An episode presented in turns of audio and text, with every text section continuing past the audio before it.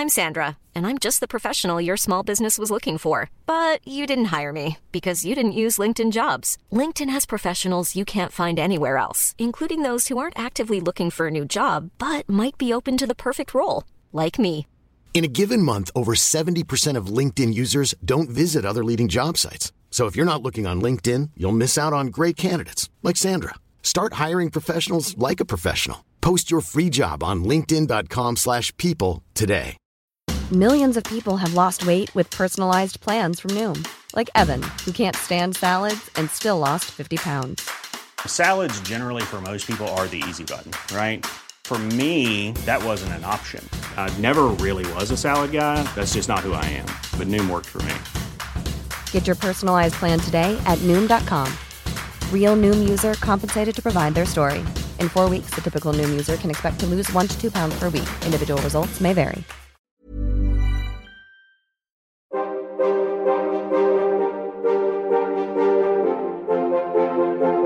Oudheid is fascinerend. Een enorme puzzel waarvan we stukjes hebben. En heel veel stukjes ook niet. Al op de basisschool trokken de verhalen over het oude Egypte, de Romeinen, Griekse mythen, het oude China en het onderzoek naar al die oude culturen en mensen me als een magneet naar zich toe. En ik wil meer.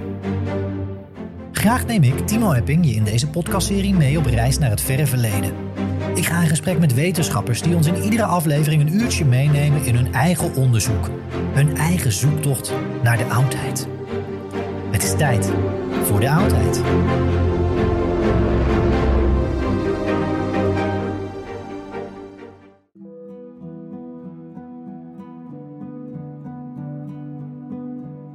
In Leiden spreek ik met dokter Marieke van Aarde. Marieke is Assistant Professor World Archaeology aan de Universiteit Leiden, waarin ze zich binnen haar onderzoeksproject Roots of Exchange, Roots of Connectivity vooral richt op de archeologie van antieke handelsroutes tussen het oosten van Afrika en het Indisch subcontinent. In 2015 promoveerde zij aan diezelfde universiteit met haar dissertatie Egypt and the Augustan Cultural Revolution. Marieke, fijn dat je ons meeneemt naar de oudheid. Waar neem je ons tijdens deze aflevering mee naartoe? Uh, nou, allereerst uh, Timo, uh, dank voor je uitnodiging. Erg leuk om dit te doen. nou, ik neem jullie niet mee naar de daadwerkelijke oudheid. Dat, helaas, dat zouden alle archeologen heel graag doen, maar dat kan niet. dus we gaan het hebben over ons onderzoek, van mijn onderzoeksproject.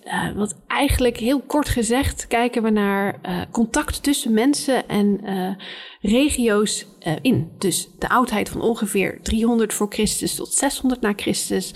En dan echt tussen het Mediterraan gebied, Oost-Afrika en uh, het Indische subcontinent. En dus een veel breder regio dan vaak traditioneel binnen onderzoek naar de oudheid toch nog steeds wordt bekeken. Ja, groot, grote netwerken in kaart brengen, grote netwerken van contacten, waar we het, uitgebreid over gaan hebben natuurlijk. Ja, de routes en netwerken van hoe dat contact, hoe, dat, uh, hoe die netwerken dus dat contact uh, mogelijk maakten. Tussen zulke toch heel ver van elkaar liggende werelddelen. Ik bedoel, India, Egypte, India, Rome, dat is een enorme afstand als je geen vliegtuig hebt. Um, en ook voor schepen was dit natuurlijk heel ver. En toch bestonden er die uh, die connecties. En niet eenmaal of tweemaal, maar echt nou ja, netwerken die lange tijd in plaats bleven. Die dus uh, weder, wederkerend, jarenlang, eeuwenlang. allerlei materiaal van verschillende delen van de wereld uitwisselden. Dus daarom is het ook voor archeologen heel interessant. Um, objecten, goederen, etenswaren reisden eigenlijk veel verder dan vaak mensen zelf deden. Ook de uh, kans op ziektes. Um, het waren vaak alleen handelaren die met schepen bepaalde routes aflegden. Maar het materiaal en ook teksten en ook uh, kennis werd toch heel veel, uh, veel breder vaak uitgewisseld dan we traditioneel soms denken over echt die, die oudheid van 2000 jaar geleden. We denken vaak dat komt veel later in de geschiedenis pas echt op gang. Uh, maar dat is het mooie aan de archeologie. Daar heb je dus echt uh, testbare, tastbare bewijzen, objecten die zijn achtergelaten. Uh, waar we aan kunnen zien dat die netwerken dus echt bestonden en ook zeer levendig waren. En um, zeer flexibel ook. Ze, uh, werkten zich door allerlei verschillende keizerrijken, door allerlei verschillende conflicten, uh, pasten zich op aan en bleven dus eigenlijk uh, intact, heel flexibel. En dus het is het idee van een netwerk van contact in de oudheid is meteen ook een soort case study waarbij je gaat nadenken over hoe werken dit soort processen? Het zijn menselijke processen, maar het is niet alleen met mensen, het is ook met objecten. Uh, dus ja, voor je het weet zit je dan zo aan tien jaar onderzoek en uh, een heleboel onderzoeksvragen. Antieke netwerken. Netwerken waarbinnen contacten zijn ontstaan. Netwerken waarbinnen mensen, dieren en objecten zich verplaatsen. Over die netwerken en de door Marieke al genoemde processen straks meer. Maar eerst, Marieke, tien jaar onderzoek inmiddels. Maar hoe is dit onderzoeksonderwerp eigenlijk ooit op jouw pad gekomen? Um, nou, dat is inderdaad al, uh, al meer dan tien jaar eigenlijk uh, gaande. Ik heb uh, een hele tijd geleden een proefschrift geschreven in de archeologie over con connecties tussen onder andere Egypte en Rome, het Mediterraans gebied. en na afloop van dat onderzoek, na vier jaar, um, besefte ik me, oké, we hebben nu vooral, en veel van het onderzoek keek vooral dus naar die connectie van Egypte naar het noorden en naar het westen. Um, toen werd ik heel erg benieuwd naar, oké, maar hoe zit het nu met die connecties met het oosten? Uh, en uh, sowieso, een van de triggers uh, voor mij was dat ik besefte dat het overgrote deel van export uit Egypte waren niet mooie beeldjes of glas of zelfs kralen. Het was graan, etenswaren. Um, toen ben ik me gaan verdiepen in, uh, nou ja, dus uh, handelsnetwerken, uh, exchange networks, zoals het in het jargon vaak wordt genoemd. En dan ga je zien dat dus het overgrote deel van wat uitgewisseld werd, vaak om hele dagelijkse dingen, eten, gebruiksvoorwerpen, maar vooral dus, nou ja, inderdaad graan, rijst, olie, specerijen, dat, dat is het overgrote deel. Um, nou, toen ben ik uh, langzaamaan dus van Egypte naar het oosten gaan kijken. En uh, via allerlei connecties en ook studenten uit India met wie ik ben gaan samenwerken. En Sri Lanka en Pakistan uh, krijg je een uitwisseling van ideeën en, en datasets zijn, we, zijn we gaan verzamelen. En ja, dat kost heel veel tijd. Want je kunt niet gewoon een paar teksten lezen en dan met een theorie komen. Dus we zijn echt gaan kijken, wat, wat is er in de archeologie hiervan? En uh, nou ja, zoetjes aan begint er dan, uh, beginnen er toch bepaalde vragen te vormen. En zagen we ook als team dat het in kaart brengen van die netwerken, dat, dat is heel moeilijk. Dat is nog niet echt zodanig gebeurd, omdat je dus heel veel data nodig hebt. En wij waren enigszins ambitieus slash te overenthousiast. Uh, maar dat zijn we nog steeds. Dus wat we nu proberen te doen, ook met een aantal masterscripties en PhD's die hier nu aan werken binnen, binnen ons project, dat we dus uh, door het verzamelen van de data, maar ze dus ook echt interpretatief uh, te verwerken, uh, kun je aan de hand van databases, network theory, uh, algorithms, kun je dat proberen in kaart te brengen. Letterlijk in een, in een graph. En dan krijg je dus lijnen en dan ga je dus zien welke sites, uh, hubs en nodes noem je dat dus. Wat zijn productiecentrums, wat zijn, wat zijn havens waar dus voornamelijk doorstroom was. Ja, maar daar houdt het natuurlijk niet bij op. Dat is een, een middel om dus beter te kunnen interpreteren. Uh, maar ja, dan voor je het weet zit je zo aan, uh, aan tien jaar werk. Want je moet dus eerst wel echt al die data hebben. En dan hebben we het over honderdduizend potscherven, organische remains. En natuurlijk doen wij dat niet allemaal zelf. Hè. Heel veel opgravingen zijn al uh, opgegraven. Um, vaak dus één site met dan een bepaalde methodologie die niet gebruikt is op een andere site. Dus dan is vergelijking weer veel moeilijker. Um, dus uh, ja, langzamerhand probeer je dat bij elkaar te brengen. Om zo dus wel echt uitgaand van een uh, nou ja, wetenschappelijke analyse van het materiaal, om daar dan de grotere historische vragen aan te kunnen stellen. Ja, heel interessant. En heel veel werk. Monnikenwerk wellicht ook wel om, uh, om ja, te doen. Ja. Dus het gaat echt om het, het, het samenbrengen, het, het creëren van datasets. Um, nou, dat is de eerste stap inderdaad. Ja. Dat, is, dat is nodig om Um, om ook de impact van die netwerken te zien. En uh, soms is dat inderdaad dat je eindeloos data zit uh, te bekijken of zit in te werken in een database. Maar we hebben daardoor echt al de afgelopen paar jaren gewoon nieuwe resultaten behaald. Dat we dus bepaalde patronen en connecties zagen die, die we niet eerder hadden kunnen bedenken. Puur omdat we dus uh, in zo'n database alles bij elkaar kunnen zetten. Uh, we hebben nieuwe sites erdoor geïdentificeerd. Um, en dat alles is dus echt een stap naar zo'n bredere interpretatie. Nieuwe archeologische sites, nieuwe interpretaties. Het samenstellen van datasets, dus databases vol met data over bijvoorbeeld een specifieke archeologische site, dat dient eigenlijk als een soort basis. Een vertrekpunt voor verder onderzoek. Marieke schreef ooit in een artikel dat je voor het klassieke beeld van wat kunnen we leren over ons eigen heden door te kijken naar het verleden, dat daar in ieder geval een feitelijke basis voor moet zijn om het verleden te kunnen reconstrueren of interpreteren.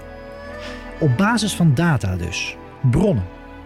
Iets wat in bijvoorbeeld de 19e eeuw anders werkte.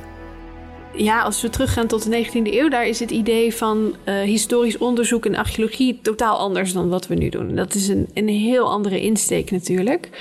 Um, hè, maar inderdaad, als je heel erg uitzoomen, als we ons afvragen waarom zou je archeologie doen, um, hè, we kunnen ons het, heden zoals het nu is, is een gevolg van uh, het verleden. Hè? En natuurlijk. Um, complexe samenlevingen van de mensheid over heel de wereld. Nou ja, dat is als we heel erg vroeg gaan kijken in uh, bijvoorbeeld Egypte en Harappan, zitten we, nou ja, 4000 voor Christus. Um, dat is, dat lijkt heel lang geleden, maar dat is eigenlijk een hele korte periode hè, op de, de hele geschiedenis van de aardbol. Dus uh, als, als mensen in de wereld zijn we nog heel erg aan het ontwikkelen. En uh, culturele veranderingen, politieke structuren, uh, dat, dat is allemaal, dat staat niet los. Dus dat komt allemaal voort uit die afgelopen paar millennia. Um, ja, natuurlijk als archeoloog kun je niet al die vragen beantwoorden. Dus je, je kiest een bepaald onderdeel en uh, daar focus je op en daar, daar werk je aan. En dan draag je dus bij aan een beter begrip van hé, hey, uh, waar komen we vandaan? Uh, zelfs onze technologische ontwikkelingen, dat, dat ook die bouwen voort op wetenschap wat al gebeurde 2000 jaar geleden over heel de wereld in Nalanda, in India, Alexandrië, in Egypte. En dus alles zit met elkaar verbonden. Um, wat uh, ja, in ons project, wat wij wel heel belangrijk vinden, is dus om echt een wetenschappelijke basis te hebben hiervoor. Um, hè, het woord geschiedschrijving zegt dan een beetje, er zit het woord schrijven in. Uh, zeker vroeger, echt een eeuw geleden, is toch geschiedenis, de geschiedenisboeken waren heel narratief eigenlijk, verhalend. En de focus ligt heel erg vaak op uh, koningen, keizerrijken, grote oorzaken en gevolgen. Um, nou, soms nemen die narratieven een soort eigen leven over. En nou ja, wat we nu soms, uh, of redelijk vaak merken, is dat dat niet altijd terug te vinden is in echt de, de data. En archeologie is ook een, uh, nou ja, gaat voornamelijk dus uit van uh, materiële bronnen en niet teksten. Teksten zijn sowieso ook door mensen geschreven en zijn vaak niet altijd uh, betrouwbaar. Hè. Wat, uh, wat een Cicero schrijft bijvoorbeeld is ook erg gekleurd aan zijn politieke insteek. En dat is natuurlijk super interessant. Um, maar in de archeologie proberen we dus, en dat, dat, dat lukt eigenlijk natuurlijk nooit, omdat je nooit complete datasets hebt. Maar we proberen daar te beginnen en als het ware een soort reconstructie te maken van wat er over is. Uh, met dus ook chemische analyse, uh, echt um, XRF, et cetera. Uh, en aan de hand daarvan dan te proberen kijken, oké, hoe, hoe zat het nou echt in de oudheid? En dat dus is een zeer belangrijke bron voor ons om ook te begrijpen waarom we nu in het heden zijn zoals we zijn over de gehele wereld. Maar ja, dat is een, een enorme monstertaak, zoals je wel kunt indenken, denk ik. Ja. ja. zeker. Ja, je noemde al even, kijkend naar 100 jaar geleden, kijkend naar de 19e eeuw. Denken, onderzoek doen vanuit bepaalde kaders of een bepaalde vooringenomenheid, misschien in sommige gevallen. Deze podcast heet Oudheid. Ja. Um, ook het begrip oudheid um, ja, is, is niet uh, buiten de discussie te laten.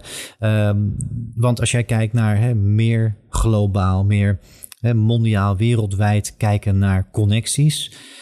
En dan loop je er ongetwijfeld ook tegenaan dat het begrip oudheid, zoals wij het wellicht traditioneel gebruiken of kennen, toch wel erg klassiek westers is.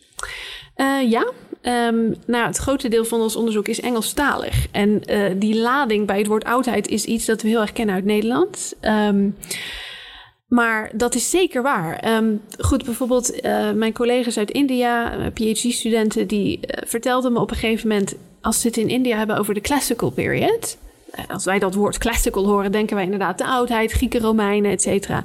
Um, in India bedoelen ze de Gupta-rijk.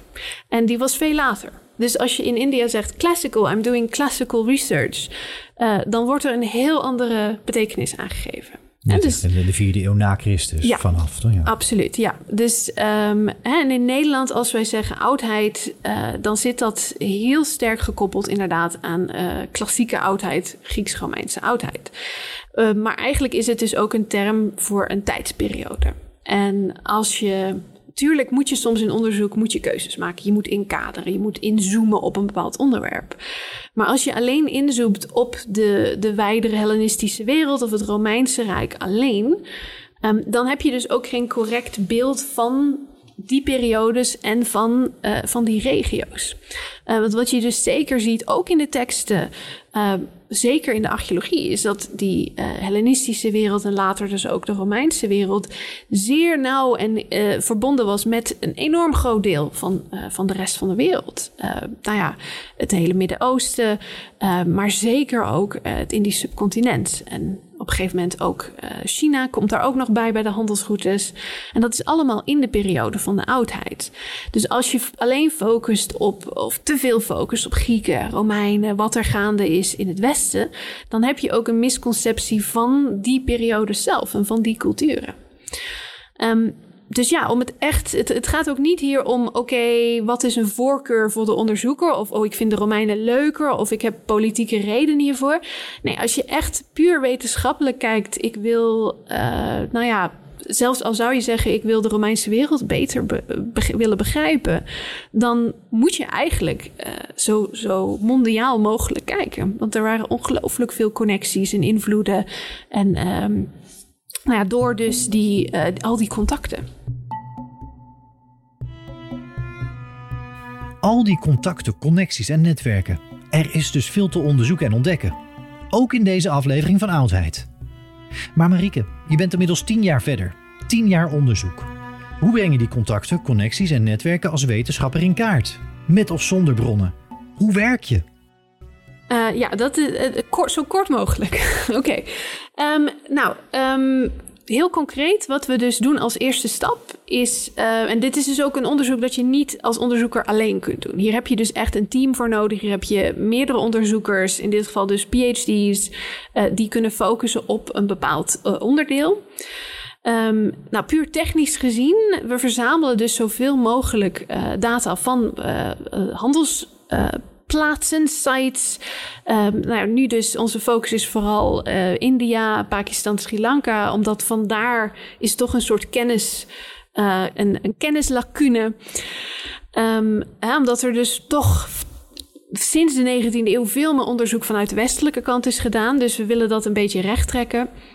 Um, nou, dan heb je dus PhD's, onderzoekers die naar uh, data verzamelen van sites die bijvoorbeeld in de jaren 60 al zijn opgegraven. Die gaan naar depots, die gaan daar kijken wat ligt daar. En dat is vaak uh, deels nog maar onderzocht of er is enkel een catalogus, niet met een uniforme methodologie.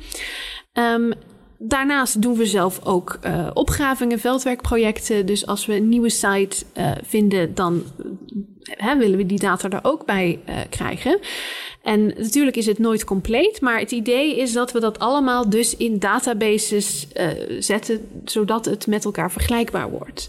Um, en dat je dus inderdaad, we noemen dat in het Engels transregional, ja, transregionaal. Ik weet niet of dat een goede Nederlandse term is.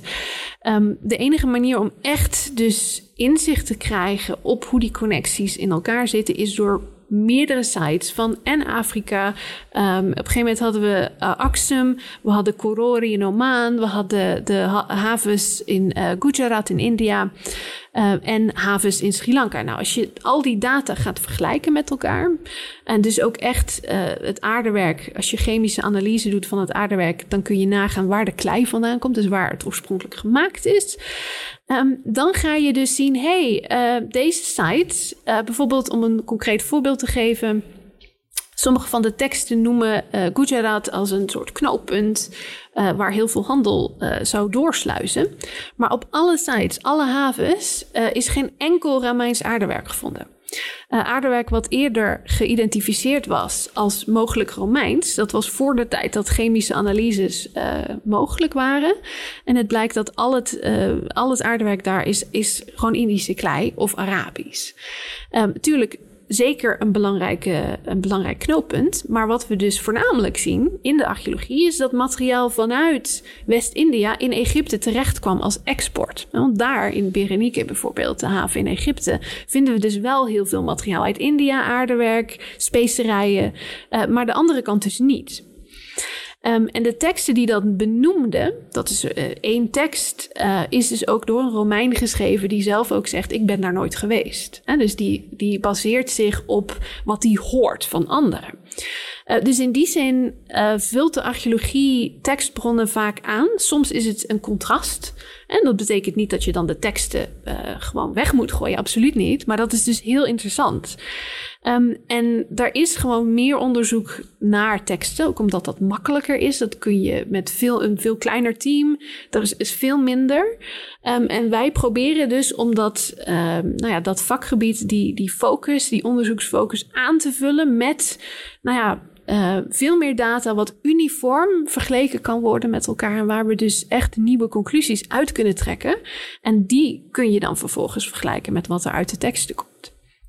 Um, dus ja, heel concreet. Je merkt wel, het is lastig om daar heel kort over te zijn. Um, nou ja, het begint dus echt met data verzamelen via veldwerk, via depotonderzoek, het bouwen van een database en dan vervolgens uh, analyse. En als je dan resultaten hebt, dan moet je het dus gaan interpreteren. En dan moet je dus gaan zeggen: oké, wat betekent dit? Um, hè, kunnen we hierdoor, als we inderdaad die netwerken eh, meer in kaart gaan brengen, uh, wat laat ons dit zien? En eigenlijk wat we dus zien is dat je sowieso nooit een netwerk als een vaste lijn op een kaart kunt tekenen. Het is altijd uh, nou ja, in flux, het is heel flexibel um, en uh, het gaat, de netwerken gaan vaak voort.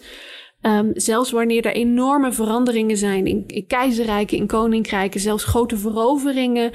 Um, de, uh, de import en export van wat we zien in de havens uh, verandert dan soms bijna niet. En dat is heel interessant ook voor historici, om dat er dus bij te nemen. Nou. Dus kan je zeggen, in hoeverre, eh, in, in hoeverre is dit echt baanbrekend of, of een, een game changer in het onderzoek, om het nou, zo te zeggen? Dat durf ik niet te zeggen. Um, kijk, we doen niet iets totaal nieuws natuurlijk. Um, maar we proberen uh, data dat, uh, nou ja, missende data. Hè? Dus het is niet dat we zeggen we hebben een totaal nieuwe insteek of uh, we gaan iets het heel anders aanpakken. Um, het is meer dat we, dat we zeiden: oké, wat we nu zien in het bestaand onderzoek, is er, we missen wat kennis. Dus we proberen dat in te vullen. En dus we proberen ook niet uh, een, een, uh, alles te veranderen. We zeggen ook zeker niet: oké, onderzoek naar teksten is verkeerd, want dat is het absoluut niet. Het is zeer waardevol. Maar we proberen dus uh, naar de schaal te vergroten en dus meer data toe te voegen, waardoor we uiteindelijk een beter beeld krijgen van hoe was het nou echt in het verleden. En um, ja, dat is, dat is zeker zeer tijdrovend. En uh, dat is natuurlijk ook een reden waarom niet iedereen dit kan doen. Je moet ook de middelen ervoor hebben. Um, je kunt niet zomaar uh, vijf sites gaan opgraven. Dat kunnen wij ook niet natuurlijk. Dus we werken ook veel samen met, uh, met mensen en collega's. En dat is natuurlijk ook heel mooi. Daar leer je ook weer andere perspectieven van. Maar ja, het is, het is makkelijker om te zeggen: Nou, ik heb een site, ik ga deze site opgraven, ik maak er een mooie catalogus van, ik schrijf een interpretatie en dan ga ik naar de volgende site. Um, maar als je dus echt geïnteresseerd bent in de grote vragen over de oudheid, hè, de brede mondiale oudheid, uh, dan is dit wel de, de meest um, nou ja, wetenschappelijk onderbouwde manier om uh, onze kennis uit te breiden. Hè? Dus ja, ik zou, ik zou zeggen, we zien ons meer als een soort um, uitbreiding dan echt een game changer. Um, maar we hopen natuurlijk wel, um, ja, als we dit echt goed kunnen gaan voortzetten, uh, dat we dus wel zo tot nieuwe inzichten kunnen komen. Ja. Oké, we weten nu hoe Marieke tot dit onderwerp voor onderzoek is gekomen en hebben, in een fascinerende notendop, gehoord hoe ze dit met haar team doet. Hoe dat onderzoek werkt. Marieke zal ons nu aan de hand van case studies meenemen in haar onderzoek. Ook om te verduidelijken hoe dit in de praktijk precies werkt. Door in te zoomen. Daarbij staan we nu voor een interessante reis naar het oude India. Marieke, zou je ons mee willen nemen? Waarom en waarop gaan we inzoomen? Nou, dat, uh, het hele principe van netwerken en mondiaal contact is natuurlijk heel groot. En het helpt ook ons onderzoekers om dat te specificeren. Dus om in te zoomen op bepaalde case studies. En uh, wat ik nu ook wil proberen is om dit hè, zo, zo nou ja, te verduidelijken, maar ook uh, wat specifieker te maken. En ook te laten zien hoe dus uh, onderzoek naar deze connecties tussen havensites, handelsites, hoe dat toch echt ook tot soms nou ja, onverwachte nieuwe inzichten leidt. Um, dus nou, ik wil in, in te beginnen, uh, nou wil ik u meenemen naar een haven in uh, Zuid-India, in de Tamil Nadu-regio, bekend als Arikamedu. Dat is een van de bekendste oude havens uit de geschiedenis van India. Het is echt op de zuidpuntje van de onderkant van het continent, dicht bij het eiland Sri Lanka. Nou, we weten door opgravingen, uh, wij hebben zelf hier niet opgegraven. De, de, eerste opgravingen zijn echt in de 19e eeuw gebeurd. Uh, en ook in de loop van de 20e eeuw. En we weten nu eigenlijk dat er dus al uh, activiteit is in deze haven. vanaf minstens 2500 jaar geleden, zo niet langer. De eerste opgravingen bij deze site in Arikamedu, dat uh, gebeurde tijdens de tijd van de Britse overheersing in, uh, in India, in de koloniale periode.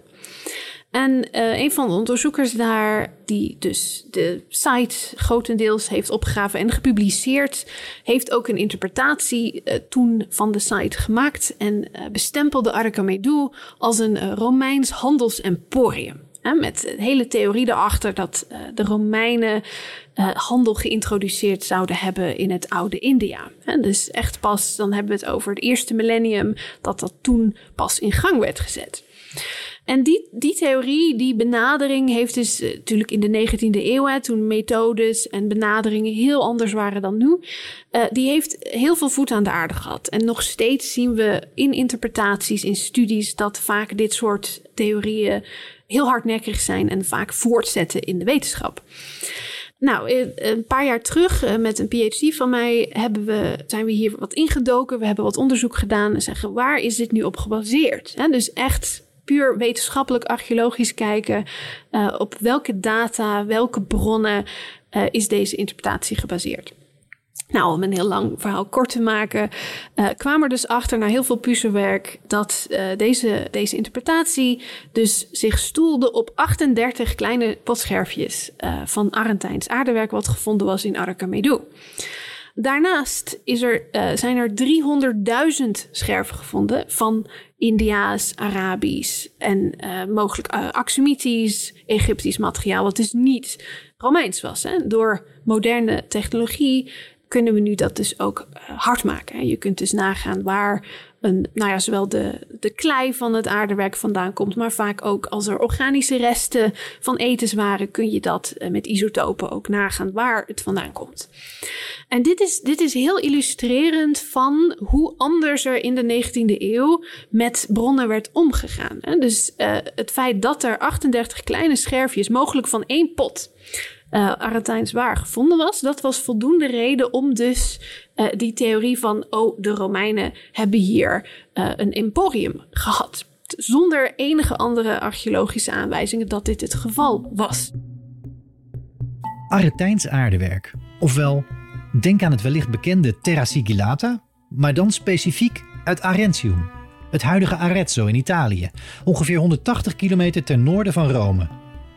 Verder nu met de eerste case study. In die periode, zeker ook uh, door de, de Britten in India, werd uh, enorm veel nadruk gelegd op die Griekse en Romeinse oudheid. En dan voornamelijk um, op de superioriteit van de klassieke cultuur. Ehm, dus we zien in die periode, zien we dat ook letterlijk in de, in de nou ja, toen wetenschappelijke studies staan. Hè. Er wordt gesproken over barbaarse Indiaanse uh, cultuur. Nou, dit is als iets uh, voortvarend was, dan moest het wel Romeins zijn.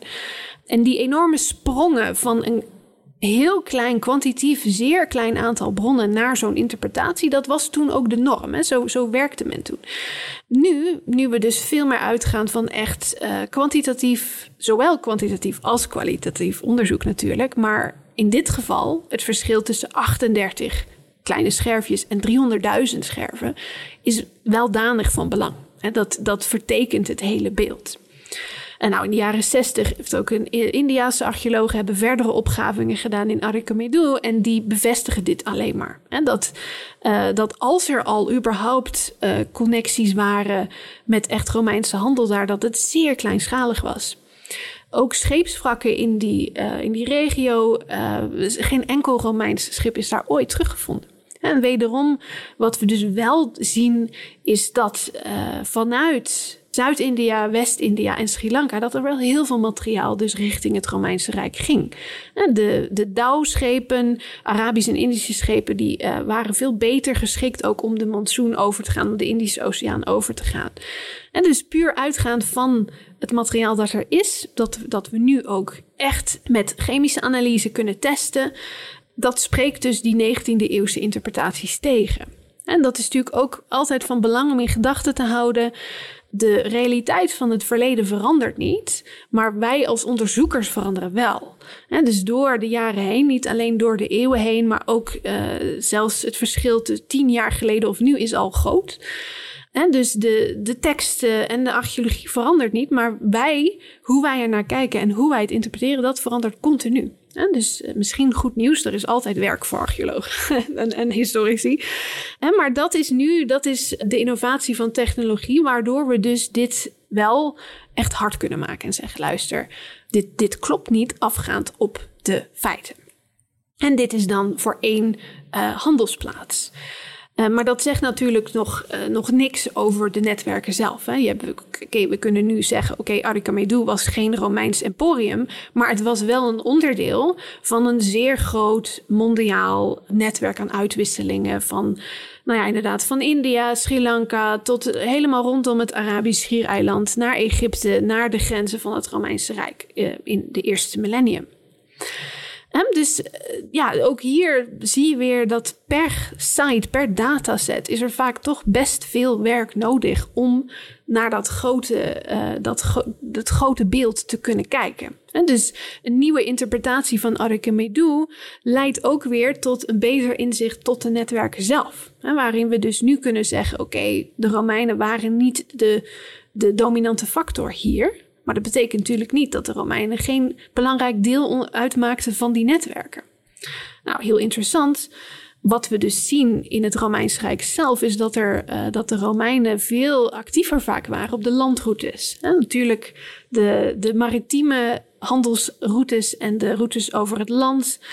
Uh, waren, het waren geen verschillende netwerken. Dat was allemaal deel van dezelfde uitwisseling. En dus materiaal ging um, van een productiecentrum ergens in het land naar een haven, op een schip, vervolgens naar een ander schip, even, overge, even overgezet, uh, dan met een karavaan naar een ander uh, centrum. En dus dat hing allemaal uh, met elkaar samen.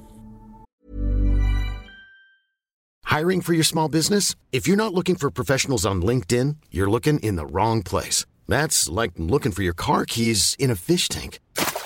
LinkedIn helps you hire professionals you can't find anywhere else, even those who aren't actively searching for a new job but might be open to the perfect role. In a given month, over 70% of LinkedIn users don't even visit other leading job sites. So start looking in the right place. With LinkedIn, you can hire professionals like a professional. Post your free job on linkedin.com slash people today. Millions of people have lost weight with personalized plans from Noom. Like Evan, who can't stand salads and still lost 50 pounds. Salads, generally, for most people, are the easy button, right? For me, that wasn't an option.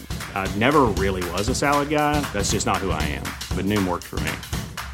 Get your personalized plan today at Noom.com. Real Noom user compensated to provide their story. In four weeks, the typical Noom user can expect to lose one to two pounds per week. Individual results may vary.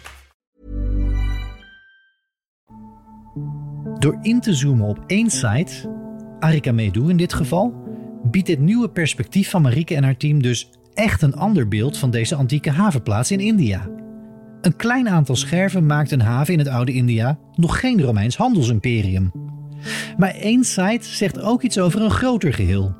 De netwerken. De handelsnetwerken op grote schaal, op mondiaal niveau. Maar op dat niveau, op die schaal kijken, dat is nog geen vanzelfsprekendheid. Nou, dat is ook een van de, de obstakels waar we vaak tegenaan lopen, is dat onderzoek. Hè, weer een kwestie van onderzoekers die keuzes maken. Vaak ofwel focussen op uh, nou ja, de maritieme routes, dus over zee en de, de, haven, de havensites. En dat de routes over land, dat die vaak in een andere discipline terechtkomen. Of dat, uh, dat ze niet bij elkaar worden genomen. En als je dus echt contacten en handelsnetwerken in kaart wil brengen, dan moet je die dus allemaal, uh, moet je allemaal meenemen. Um, dus in, in ons project, hè, om het ook weer even concreet te maken. Nou, we kijken dus naar handelssites zoals Arke waar in dit geval we dus echt even een, uh, een, een nieuw perspectief nodig was. Um, maar we hebben onder andere ook veldwerk, waar we zelf nu de afgelopen drie jaar actief zijn, naar uh, landroutes. In dit geval gaat het om handelsroutes in de Himalaya's van Pakistan. En dat was een zeer belangrijke uh, nou ja, sluis van het Indisch subcontinent naar China. Die vanaf 120 voor Christus gaat China, de Han-dynastie, uh, ook heel actief meedoen met die handelsroutes. En die connectie door de bergen kunnen we dus uh, nou ja, helemaal nalopen eigenlijk langs de Indus en Gilgit rivieren. Um, en daar hebben heel veel handelaren hebben daar rotstekeningen, uh, rock carvings, uh, petroglyphen achtergelaten met inscripties in Brahmi en Karoshti, waar vaak ook dus echt wordt vernoemd: dit is een handelskaravaan, wij zijn op route hier naartoe. Zeer interessant. En heel veel van dat materiaal, wat dus uiteindelijk door die landroutes, door de bergen wordt, uh, wordt verhandeld, uh, komt soms dus ook helemaal van de havens in Gujarat en soms helemaal uit Egypte en vice versa. En dus ook al moet je met zo'n nou ja, zo'n veldwerk in de, in de bergen, ben je heel erg gefocust op die site, daar ben je dan.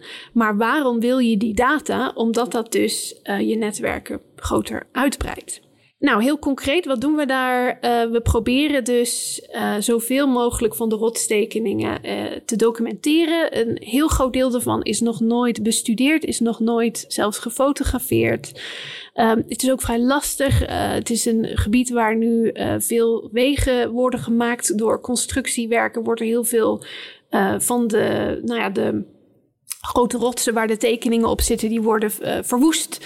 Dus het is ook meteen een heritage rescue project, wat wij samen met onze collega's in Pakistan uh, doen. Um, dus ook hier, wat eigenlijk zeer verschillende, zeer verschillende bronnen en regio's lijken. Een haven als Arikemedu en de Pakistanse Himalaya's liggen ver van elkaar af. En toch maken ze allebei een heel belangrijk onderdeel uit van onze datasets. En door dit te doen, zie je soms en merk je soms, um, want dit is ook echt iets wat we in de afgelopen jaren, nu de resultaten binnenkomen, zien, uh, dat er soms zeer onverwachte nieuwe inzichten uitkomen. Nou, en een van die dingen wat wij, de, nou zeker de afgelopen vijf jaar sinds ons veldwerk en een aantal PhD's die hierin werken, wat wij zijn gaan zien, is dat in de sites gerelateerd aan de handelsnetwerken, zowel de havens als de landroutes, dat we daar bijna altijd ook boeddhistische archeologie terugvinden. Een soort correlatie tussen handel en boeddhisme, wat uh, inhoudelijk gezien helemaal niet logisch is natuurlijk. Hè. Boeddhisme is een religie die juist uitgaat van de immaterialiteit van het, uh, van, nou ja, het hele bestaan. En maar wat we vinden in al die uh, sites door het Indisch uh, subcontinent en ook Sri Lanka, dat er een, een correlatie schijnt te zijn. En we hebben het hier dus echt over de alleroudste boeddhistische afbeeldingen uh, die er zijn. Boeddhisme komt oorspronkelijk uit nou, 500 voor Christus, dat we dit zien opkomen.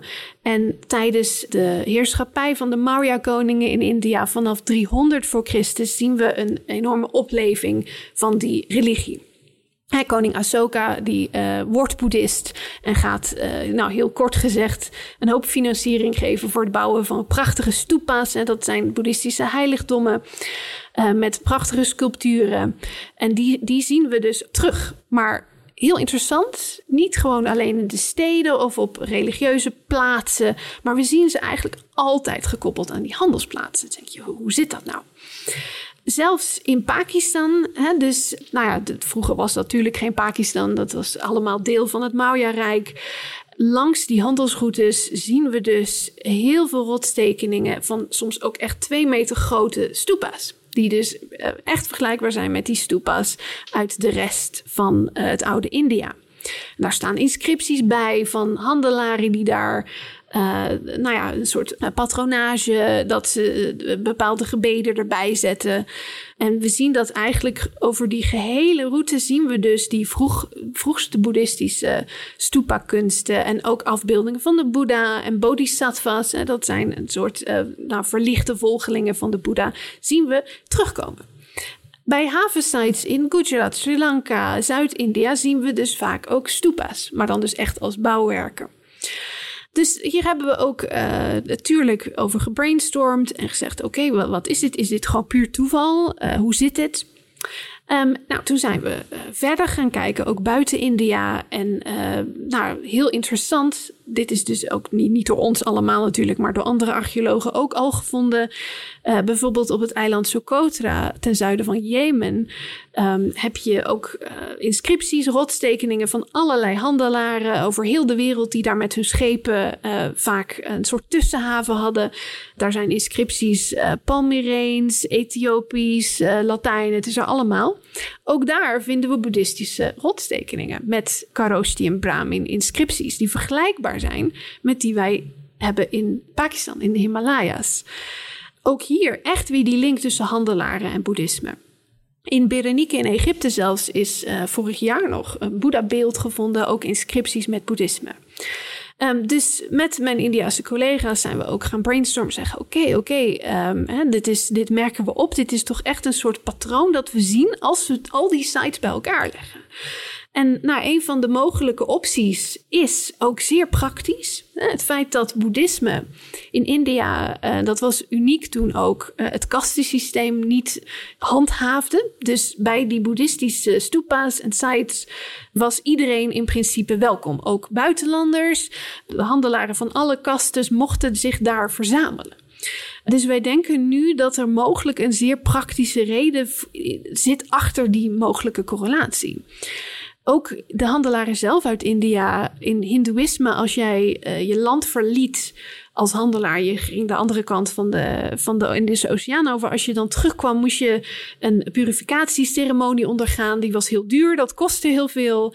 Um, dus in, heel interessant, we zien dat uh, het, nou, bijna alle handelaren, waar we dus archeologische en inscripties over hebben, waar we archeologisch bewijs en inscripties over hebben, die zijn bijna allemaal boeddhistisch. En dus het is bijna een soort praktische overweging. Als jij boeddhistisch was, was het goedkoper en makkelijker om dus buiten India je handel te verrichten.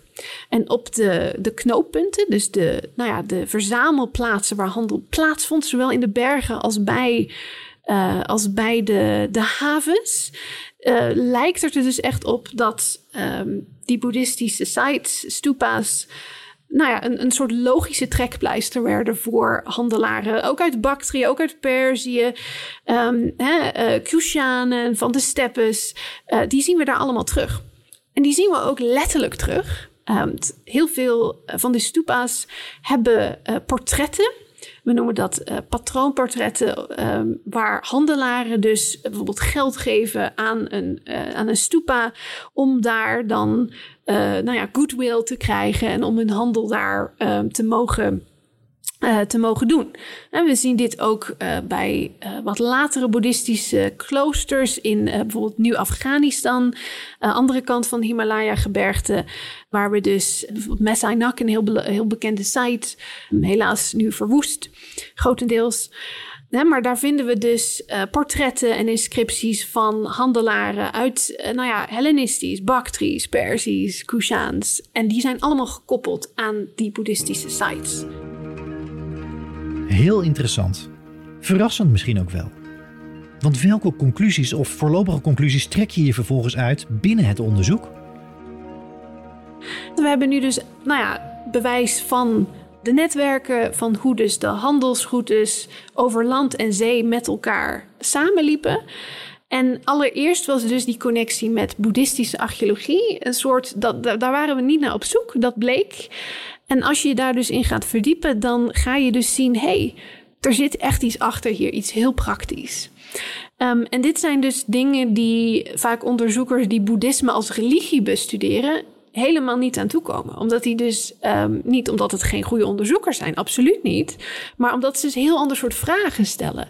En omdat ze naar heel ander soort data kijken. Dan als jij boeddhisme als religie wilt begrijpen, dan ga je niet naar een haven. Dan ga je niet naar een handelstrekpleister. Maar wat wij nu dus, nou ja, grotendeels gezien hebben en waar we ook echt nog verder naar willen kijken, is die zeer praktische kant. Heel interessant. En dat is dus een gevolg van uh, zo'n grootschalig onderzoek ondernemen. Dat er soms resultaten uitkomen die je van tevoren gewoon echt niet bedacht had. En waar je dus ook buiten puur de archeologie, waar, wat heel interessant is inderdaad voor uh, historici die kijken naar de distributie van religie. Want een zeer belangrijk punt hiervan bij ons veldwerk in de Himalaya's is natuurlijk dat deze boeddhistische rotstekeningen zijn de allereerste nou ja, boeddhistische materiële cultuur die ooit naar China is gekomen.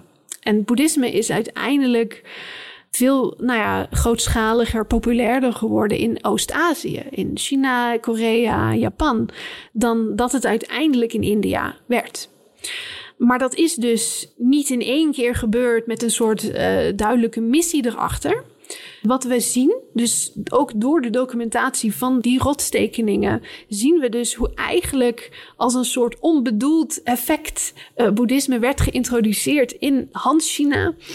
En dat uiteindelijk natuurlijk in de Han- en Tang-dynastie... dat er uh, Chinese monniken ook naar India komen... en die zeggen, goh, we willen hier meer over leren, we willen de sutra's.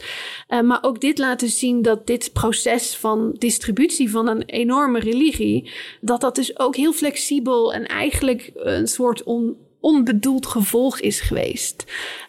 We zijn geen onderzoeksproject die naar uh, religieonderzoek doen. En uiteindelijk komen we, kwamen we daar dus wel uit. Uh, en dat is natuurlijk ook een heel erg mooi uh, gevolg.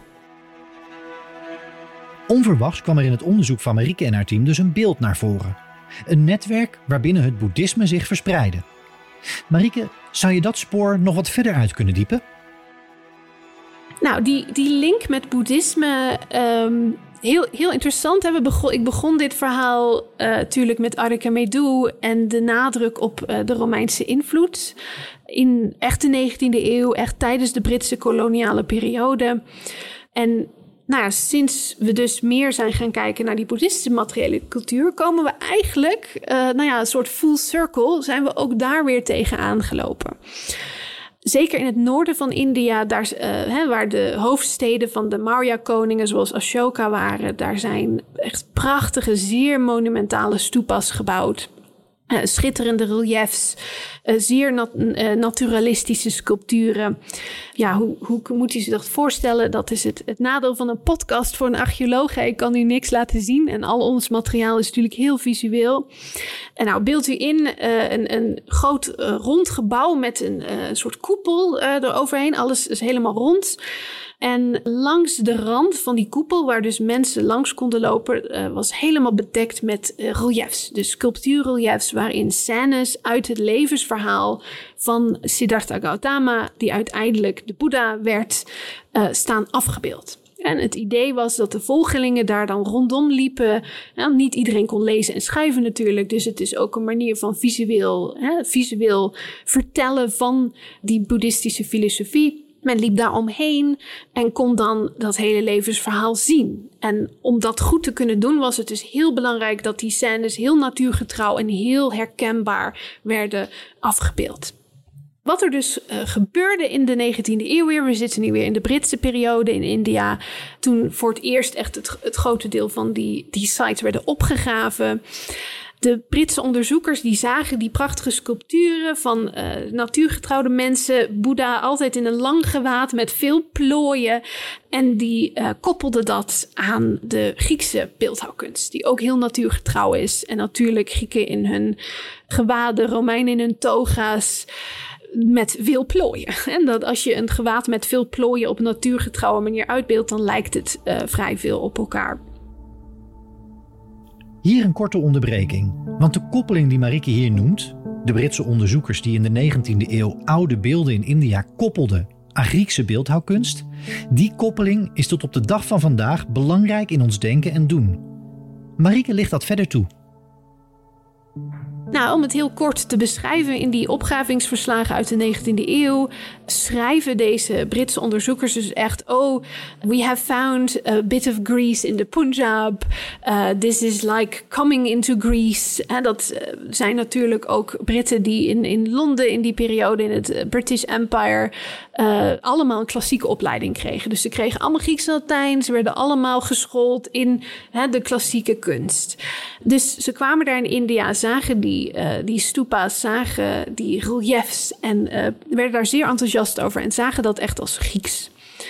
Nu waren er zeker ook, uh, nou ja, ik zeg Grieks. Hè? Hellenisme is natuurlijk veel breder. Uh, de Hellenistische sfeer sinds Alexander was een enorm groot deel. Het hele Perzische Rijk onder de Seleuciden natuurlijk er was zeker contact met India. En dat weten we ook uit tekstbronnen. Um, er was uh, Seleuciden, waren aan het hof van de Maurya-koningen. Er waren enkele steden die voor korte perioden zelfs onder Macedonisch beheer zijn gekomen. En dus er was zeker wel uitwisseling, maar niet, niet op een hele grote schaal.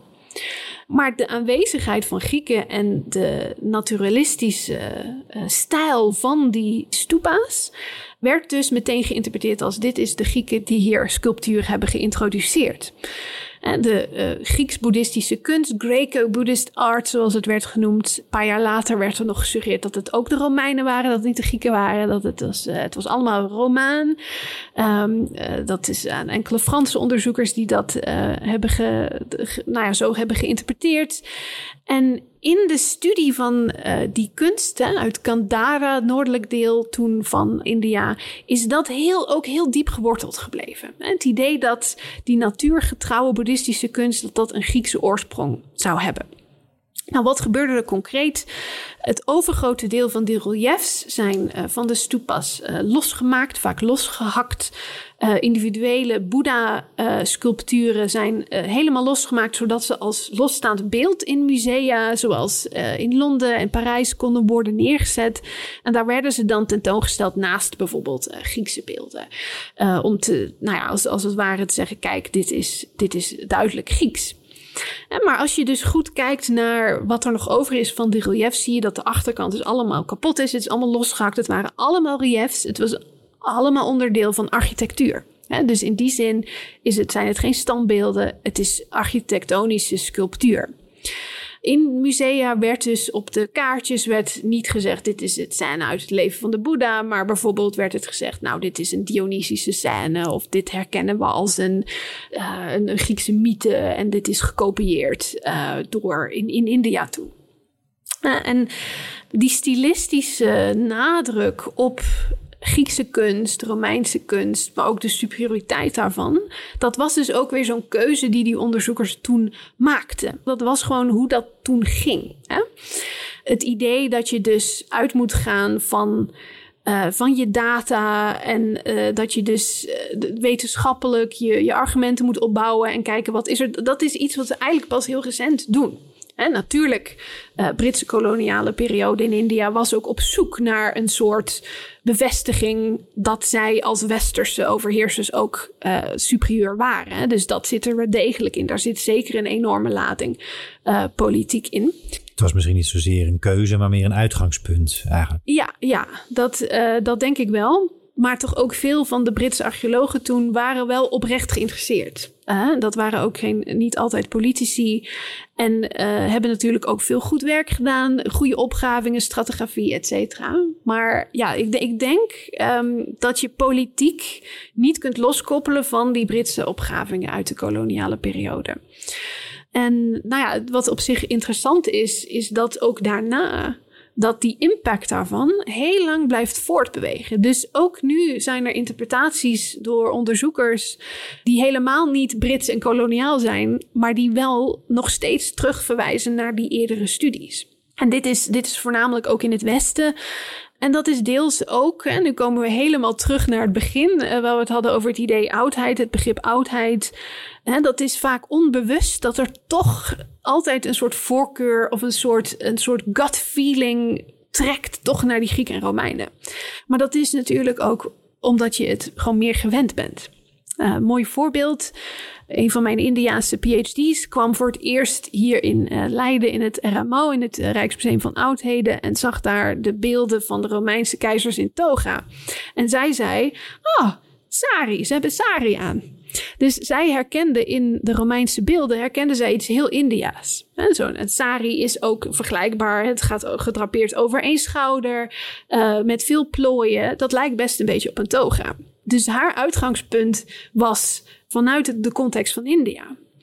En dat is eigenlijk het omgekeerde wat er dus vaak gebeurde in India met westerse onderzoekers. Die keken naar uh, het gewaad van de Boeddha of naar uh, nou ja, de antieke saris en zagen daar toga's in. En dus ook hier is het heel erg afhankelijk van nou, de bril waardoor je kijkt. En uh, dat is natuurlijk ook logisch. Dat is aan zich natuurlijk heel interessant. Uh, maar wat wij dus met puur ons archeologisch onderzoek proberen te doen, en dat lukt natuurlijk niet altijd. We zijn allemaal, we zitten allemaal vast in een bepaalde context. Maar om een stap terug te doen en echt objectief te kijken van oké, wat is de data dat we hebben? Wat kunnen we daarmee? Wat vertelt ons dit? Dus de manier waarop wij zijn gaan kijken naar die boeddhistische stupas is dus ook niet om te identificeren welke stijl is het. Is het nou Romeins, is het Grieks, is het Indiaas? Ja, het is misschien een beetje van alles. Er kan zeker uh, uitwisseling van technieken, van ideeën, dat gebeurde continu. Uh, maar dat is dus eigenlijk niet eens relevant. Dat is de keuzes maken van welk label leg je op een object als je kijkt naar de bredere netwerken van contact, uh, die wij dus langzaamaan eh, stapje voor stapje in kaart willen gaan brengen. En waar we dus constant al die onverwachte nieuwe inzichten en, en resultaten in krijgen. Hoe meer je daarna gaat kijken, hoe meer je ziet dat er nooit één stempel is. En dat uh, eigenlijk het enige stempel wat je erop kunt leggen is dat het deel uitmaakt van die zeer flexibele netwerken.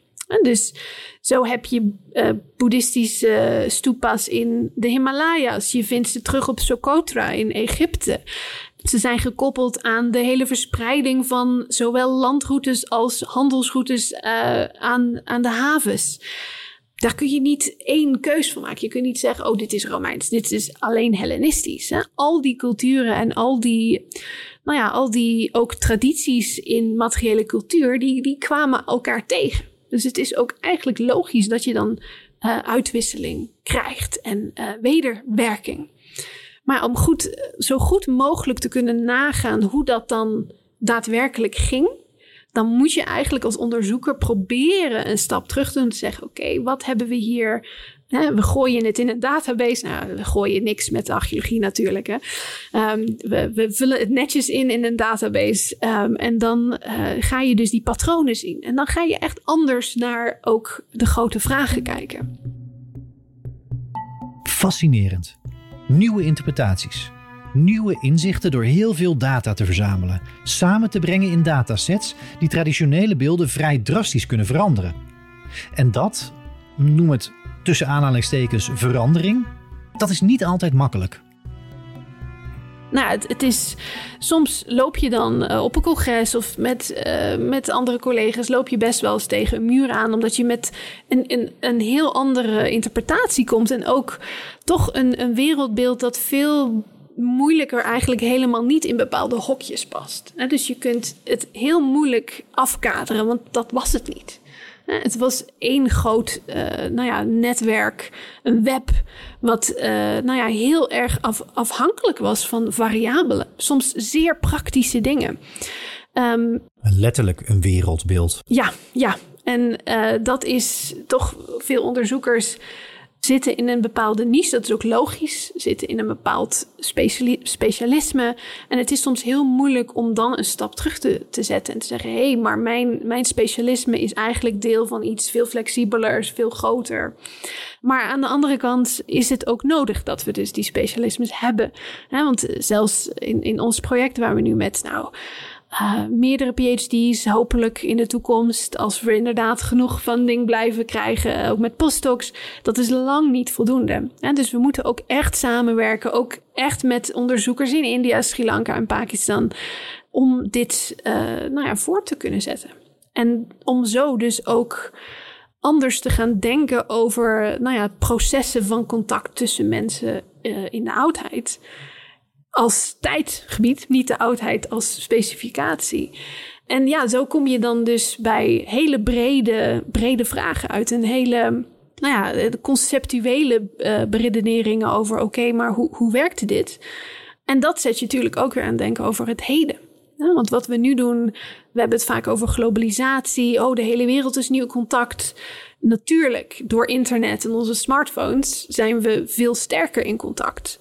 Maar dat is in zekere zin, zou ik zeer voorzichtig durven zeggen, is een schaalvergroting van een proces dat eigenlijk dus al uh, enkele millennia uh, in gang was. Dus het is niet geheel nieuw. Het is niet in één keer uh, in de wereld gekomen, als het ware. Maar het is echt gegroeid.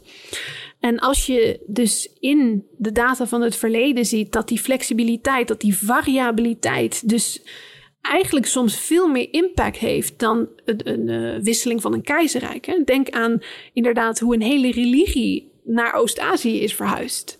Zonder dat dat ooit een momentopname was. Ja, dan gaan we mogelijk ook toch iets anders nadenken over, over ons heden.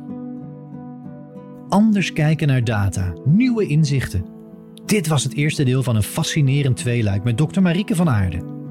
Over niet al te lange tijd volgt er een bonusaflevering. Want ons gesprek ging nog even door. Met name over de projecten die nu lopen. Met de nadruk op het oude Pakistan. Vergeet dus niet, als je dat nog niet gedaan hebt, om even op volgen te klikken in je podcast-app. Dan krijg je nieuwe afleveringen automatisch in je feed en mis je dus niets.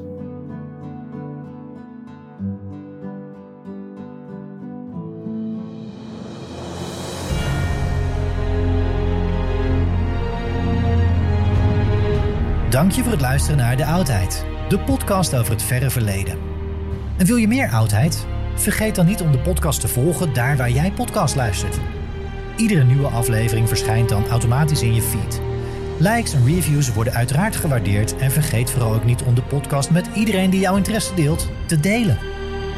Heb je ideeën of suggesties voor de podcast? Mail dan naar info@eppingproductions.nl.